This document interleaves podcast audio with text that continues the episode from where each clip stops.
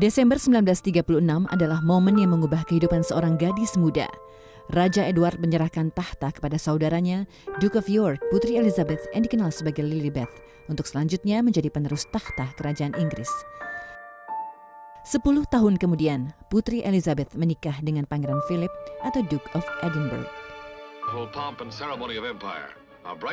Kemudian pada 2 Juni 1953, Ratu Elizabeth II dianugerahi mahkota. Sebagai Ratu Inggris, inilah momen bersejarah pertama yang ditorehkan Elizabeth karena baru pertama kali upacara penobatan disiarkan secara langsung di televisi. Pada usia muda 27 tahun, Elizabeth Alexandra Mary Windsor menjalankan tugasnya sebagai ratu sekaligus ibu. Dengan jadwal yang sibuk, ibu empat anak ini harus berkeliling dunia menemui berbagai pemimpin dunia untuk melaksanakan tugas diplomatis. Tak terkecuali menjalin hubungan diplomatis dengan Indonesia, seperti perjumpaannya dengan Presiden Soeharto pada 1974 dan 1979, serta kunjungan Presiden Susilo Bambang Yudhoyono ke Inggris pada 2012. Sebagai seorang ratu dan ibu, kehidupan pribadi Ratu Elizabeth tidak selalu mudah.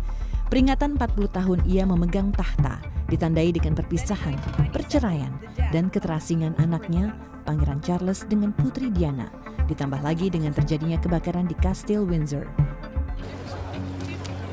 Pada 1997, Putri Diana wafat dan meninggalkan duka mendalam bagi dunia, terlebih bagi keluarga kerajaan Pangeran William dan Pangeran Harry.